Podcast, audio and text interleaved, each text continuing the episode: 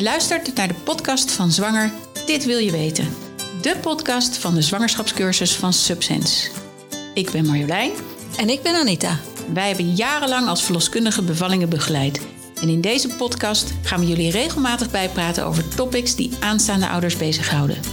Dus wil je informatie en tips direct van een professional, of je nou thuis of in het ziekenhuis gaat bevallen, mis dan geen van onze afleveringen, zodat je zo goed mogelijk voorbereid bent op die aanstaande geboorte.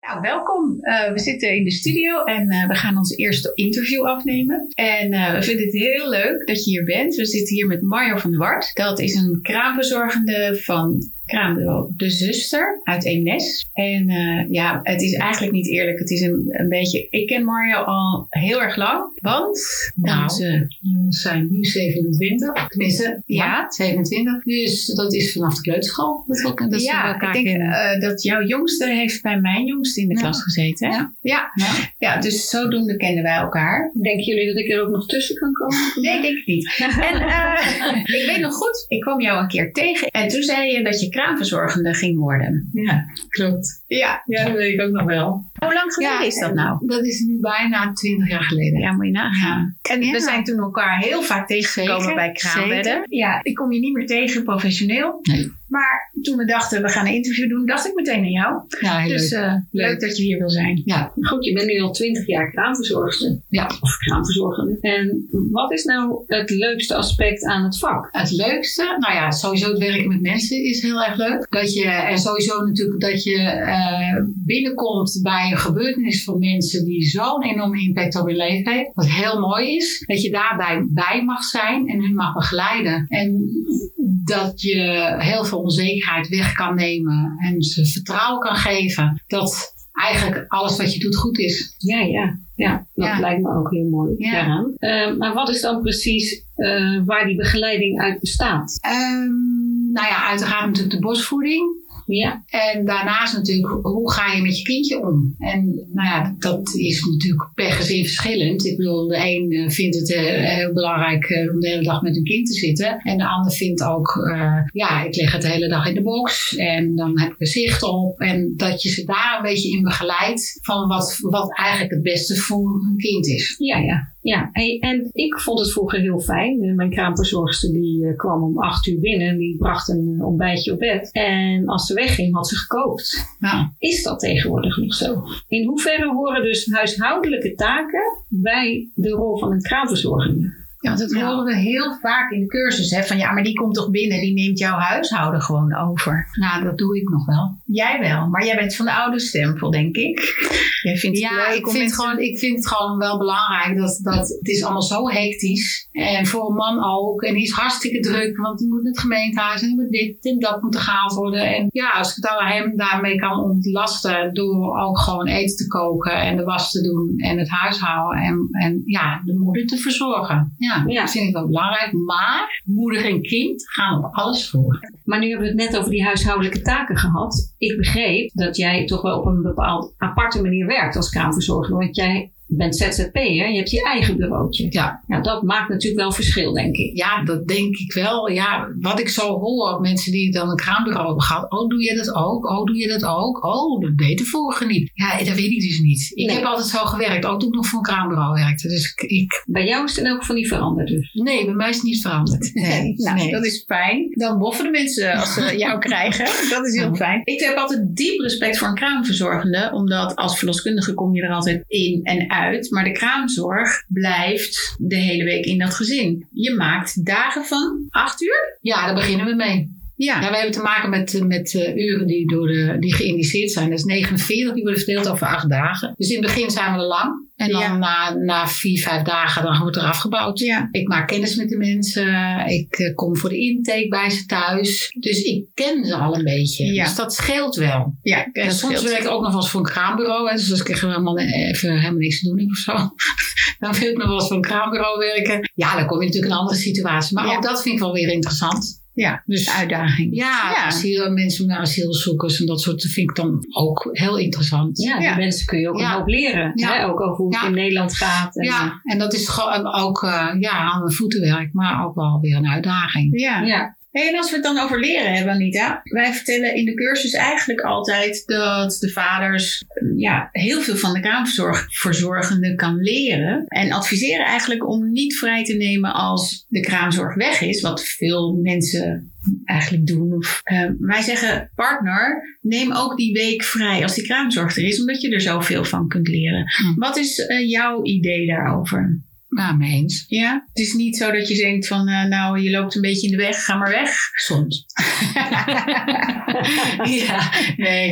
Ik vind het heel belangrijk ook dat de vader uitrust. En dat hij geniet van zijn kindje. Dat dat kindje niet alleen bij de moeder hoeft te liggen, maar ook bij de vader kan liggen. En ik vind ook, het is, ja, het is teamsport. En het is niet alleen dat een moeder dat moet doen. Nee. En als je zware nachten hebt, ja, dat één of twee, dat gaat nog wel. Maar als er een derde of vierde achteraan komt, dan, dan gaat vermoeidheid echt meespelen. En dan zeg ik altijd van, probeer dan maar in shifts te werken. En ga met de kip op stok. Ja. En zorg dat je elkaar af kan lossen. Ja. het hoeft niet alleen maar op de moederruimte te komen. Nee, dat advies geven wij ook. Ja, dus sluit helemaal, aan, ja. sluit helemaal aan bij de cursus. Waar wij ook zeggen, wij maken ook van uh, de stellen die komen, vader of partner, hè, want ja, ja, ja. niet alleen vaders, dat ze als een team uh, gaan opereren en jij trekt het door in het kraambed. Ja.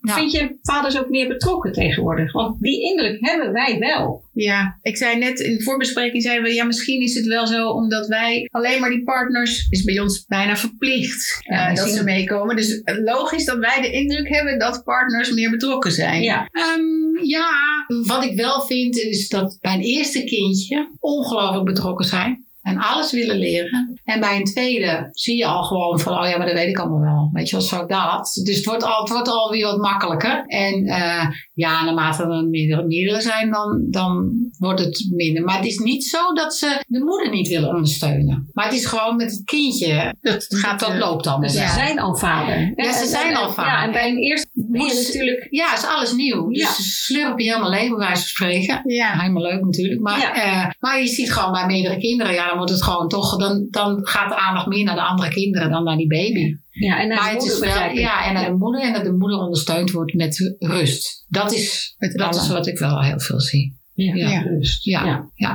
ja. Nou ja, over rust gesproken. Heb je nog een gouden tip voor aanstaande ouders? Even een inkopper. ja, ja, zeker. Uh, ja, rust, reinheid, regelmaat. Ja, ja. Dat is een hele oude regel, maar die ja, werkt nog steeds. oma altijd al. ja, die werkt ja. echt nog maar steeds. wij zeggen nu uh, heel chic op zijn Engels, invest in rest. Ja. ja. Zeker voor het kraambed, maar, uh, maar ik hoor het jou ook zeggen. Ja, dus uh, gewoon een oude regel, maar hij werkt ja, echt. Ja. ja. En, en, hebben mensen daar moeite mee? Met die rust, reinheid, uh, regelmaat? Nou, dan zou ik dan maar zeggen. Ze, mijn kraamvrouw niet. Nee. Maar je hoeft ze niet af te remmen. Of, um, ja, uh, oh, bedoelt zo. Qua rust zelf. Ja, er zijn erbij die inderdaad echt wel moet zeggen. En nu wil ik dat je naar bed gaat. Ik vind wel dat je nu moet gaan rusten. Die zijn er echt al tussen. Ja, ja, dus je hebt echt wel een taak daar. Ja, ja, ja, zeker, zeker. van heb je wel geslapen gisterenmiddag? Weet je zo. En hoe lang?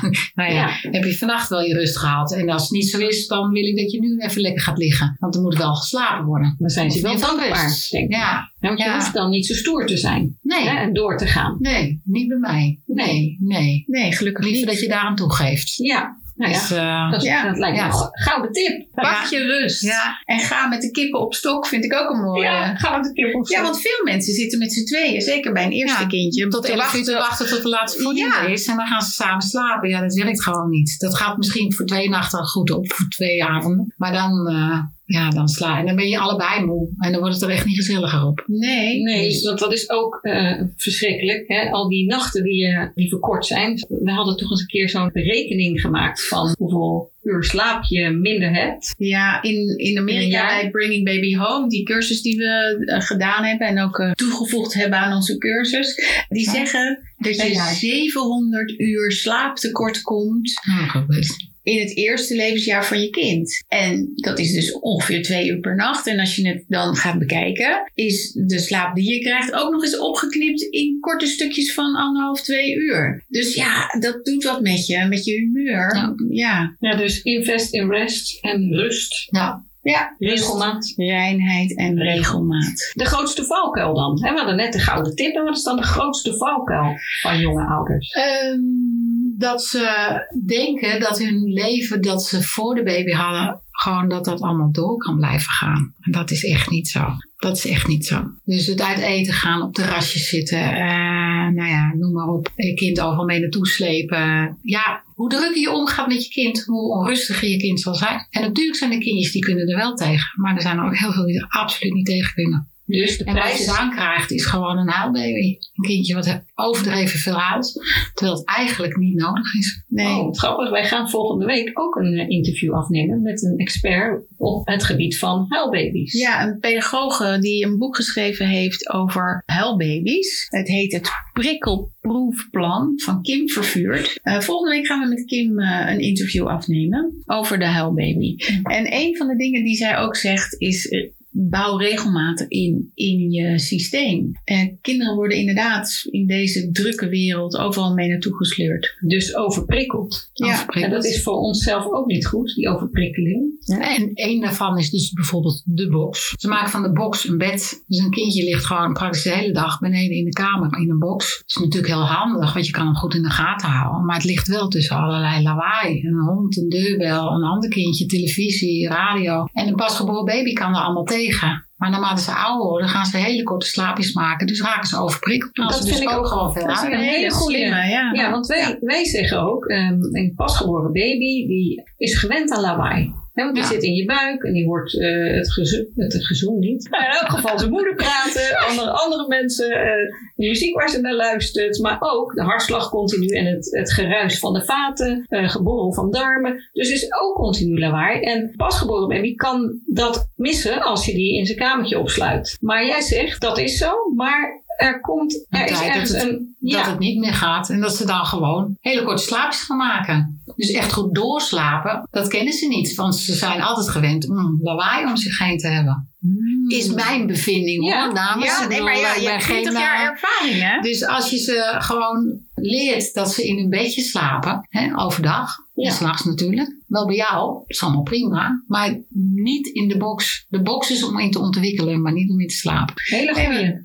Wat, wat leuk dat je zegt van, weet je, kind moet in zijn bedje slapen, wel bij jou. Dus jij zegt wel bij op de kamer. Ja. Co-sleeper. Ja. Is dat een uh, goed plan? Ja. ja. Oké. Heb je daar ervaringen mee? Co-sleepers die jij uh, denkt, nou, dit beter van niet. Ja, die zijn er wel. Ja, zelf in elkaar gekunstelde dingen zijn natuurlijk niet. Ja, dat, dat moet je wel echt volgens de voorschriften doen. Er mag echt geen ruimte zijn tussen de matrassen. Want daar kan je kind tussen komen te liggen. Het is hetzelfde spijlen van een bedje. Die moet ook een bepaalde afstand hebben. Dat geldt ook voor een matras. Dus uh, veiligheid is natuurlijk ook heel belangrijk met een co-sleeper. En die co-sleepers die je kunt kopen, die zijn eigenlijk gewoon getest, neem ik aan. Die zijn altijd veilig, of niet? Ja, over het algemeen wel. Ja, ja maar als zij zegt uh, uh, de, de matras van de moeder moet overlopen op de matras van de baby, kan het zijn dat je een gekochte co-sleeper dus niet op jouw bed past. Dat je die een beetje moet aanpassen. Nou, er zijn er echt wel die, die kunnen echt helemaal in allerlei standen gezet worden dat ze, dat ze op de juiste hoogte met jouw bed komen te liggen. Dus dat kan allemaal wel. Okay. Maar je moet alleen zorgen dat je, dat je geen grote ruimtes tussen de matras hebt. Nee, het is heel logisch. Hè? Dus dat, dat het kindje uh, niet daartussen kan komen te liggen. Nee. Ja, maar dat co-sleeper, dat, uh, daar hebben wij het ook over in onze cursus. En dat is dan onderdeel van veilige hechting. Ja. Uh, maar veilige hechting kan dus ook onveilig zijn als je een onveilige co-sleeper hebt. Ja, als je niet de juiste co-sleeper hebt, dan uh, je moet, hem ook vast kunnen. Hij moet echt vast aan je bed staan. Dus er zitten niet voor niks allemaal banden bij die om het bed heen moeten. Het is nog een heel gedoe hoor. Maar uh, ja, dat is niet voor niks. Ik bedoel, uh, het moet niet zo zijn dat, dat jij s'nachts een keer een set tegen het bedje aangeeft en dat hij van je bed afstaat. Nee, dat weet je natuurlijk dat niet. Dat weet je, niet. Dus, uh, nee, een goede tip vind ik dat. Ja, zeker. Hey, en, en als je nou, veilige hechting is ook iets wat, waar tegenwoordig veel nascholing over wordt gegeven, waar mensen zich in verdiepen. Wat hoort bij, wat jou betreft ook bij een veilige hechting? Want sommige mensen zeggen, nou, uh, die baby die uh, moet maar leren uithuilen. Wat denk jij daarvan? Nee, nooit. Nee, ik vind, weet je, het is wel wat ik vind, een baby mag best wel eens even een keertje huilen. Dat is niet erg, maar je mag hem nooit het idee geven dat hij alleen is. Nooit. Dus Nooit een deur dicht trekken van nou zoek het maar uit. Nooit doen. Nee. nee. En mij mag best wel eens even huilen. Ik bedoel, als jij aan het eten koken bent en je staat een pan, met een pan hete aardappels in je handen en die baby geeft een brul en dat jij denkt, oh, hup, het maar vallen. Ze moeten ook wel leren dat ze op je moeten wachten. Het moet niet zo zijn dat jij gewoon altijd maar in allerlei bochten moet wringen om te zorgen dat je kind niet huilt. Dus het mag best wel eens huilen, maar het mag alleen absoluut zichzelf nooit oversturen huilen. Nooit. Nee, nee. Nou ja, dat, uh, zo denken wij er eigenlijk over. Ja, precies. Ja, leuk. Huilbaby's. Wat zijn dat voor baby's? We hebben het net gehad over, ze, zijn misschien geprikkeld. Maar je hoort ook heel veel mensen zeggen, ja ik heb een huilbaby, want uh, hij heeft last van zijn darmen. Uh, nou, dat is geen huilbaby. Um, eigenlijk een huilbaby is een baby die eigenlijk al na een paar uur na de geboorte al begint. En natuurlijk kan een baby misselijk zijn en kan het uh, even niet, niet zich goed voelen. Maar dat is na een paar dagen over. Maar als het dan maar doorzet en het blijft maar huilen, veelvuldig. Ja, dan kan het ook nog zo zijn dat het last van zijn nekje heeft. Hè? Dus dat er een werveltje niet goed zit of zo. Dan adviseer ik meestal wel van nou, ik denk dat, dat je misschien toch maar eens naar een osteopaat of iets dergelijks met je kind kindje moet. Wel een overleg met verloskundige maakt natuurlijk niet zomaar zelf allemaal bedenken. Maar een baby die veel huilt kan last van zijn darmen hebben. En dat is ook niet in de eerste week. Dat komt ook pas na een week dat ze echt pas last van hun darmen gaan krijgen. Dus daar kunnen ze natuurlijk wel veel, veel door, door huilen. Maar eigenlijk het overprikkelen van een kind zorgt ervoor dat het een huilbaby wordt. Ja, ja, dus eigenlijk zeg je rust, regelmaat en reinheid. Ja. ja. En die rust, wij geven in onze cursus ontspanning. We geven ze scripts mee en we hebben het over ontspannende muziek. En zeggen dan ook van nou, dat kan ook van pas komen in de kraamperiode. Zeker, ontspanning is heel belangrijk. Alleen, soms lukt het niet altijd. Nee.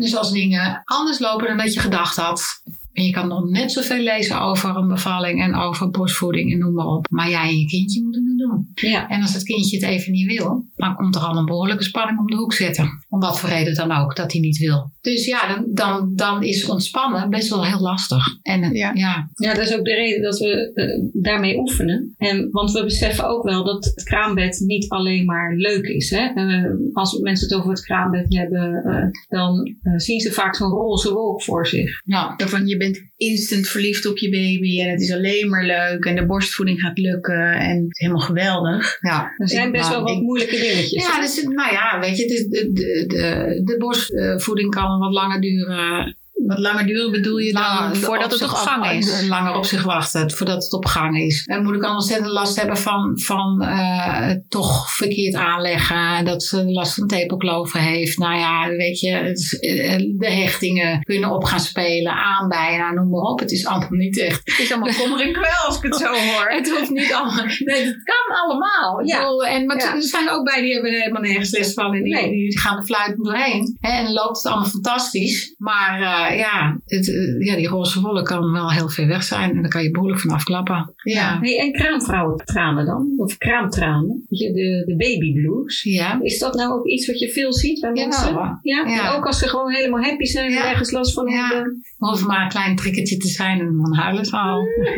ja. Hoort er dus bij. Ja, ja. ja, nou ja, er zijn ook bij die helemaal niet huilen. En die, die, die, maar dat is ook prima. Ik bedoel, het hoeft allemaal niet. Nee. Ik vind wel, eh, wat, wat ik wel altijd zeg, is van, dat je traantjes hebt, dat is prima. En dat mag ook allemaal. Laat me lekker lopen. Want het gaat wel over. Je weet toch niet waarom je haalt. Want dat is gewoon zo. Dat, maar het enige wat ik wel vind, wat ik wel altijd zeg, is van, je mag je niet neerslachtig gaan voelen. En als jij geen zin meer hebt om mensen te ontvangen en je wil niet meer naar buiten dan trek alsjeblieft aan de bel. Want heel veel moeders schamen zich voor dat gevoel. Omdat ze, ja. en iedereen verwacht denkt dat, dat je gelukkig bent en je voelt je dat niet. En dat is natuurlijk niet de bedoeling. Nee. En vaak is er wel een trigger geweest in de zwangerschap. Dus iets wat gewoon niet zo leuk gelopen heeft. Of weet ik van, nou ja, nee, noem maar een overlijden van een moeder of een, of een vader. Of nou ja, hè, zo dat.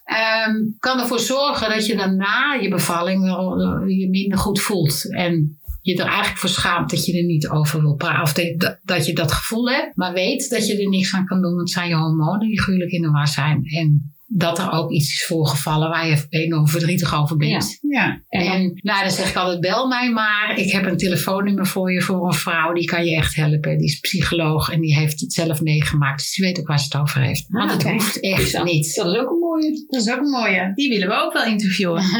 ja. ja.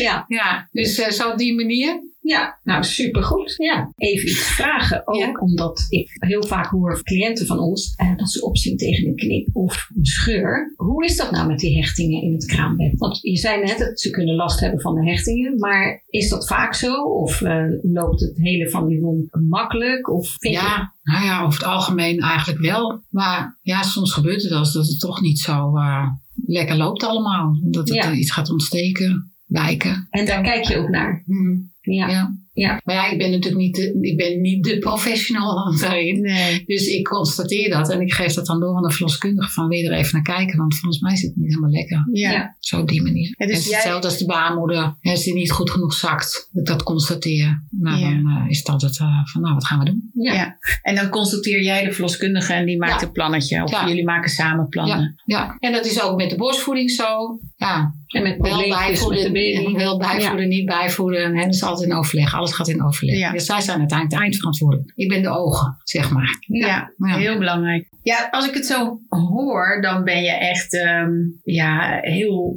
bedreven en liefhebbend en uh, super in je vak. En ik denk dat heel veel mensen een super kraamverzorgende aan jou hebben als ze jou krijgen. Je woont in een dorp. Eemnes is een dorp. Ja. Kan jij nog gewoon over de markt lopen? Nou, ja, hartstikke.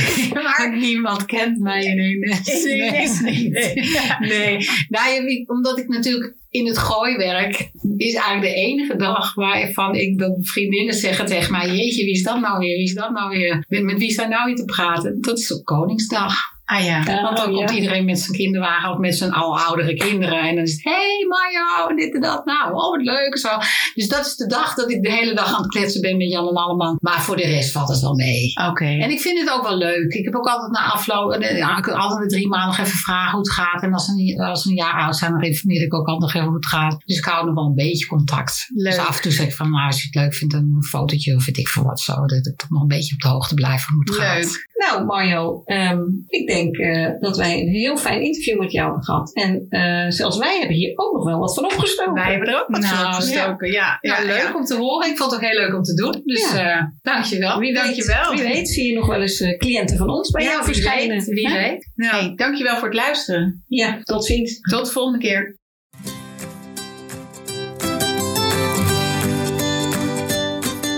Je luisterde naar de podcast Zwanger, dit wil je weten van Subsense. Mede mogelijk gemaakt door Koffiecode Podcast. Je kunt ons volgen via Insta, Facebook, LinkedIn en onze site www.subsense.nl.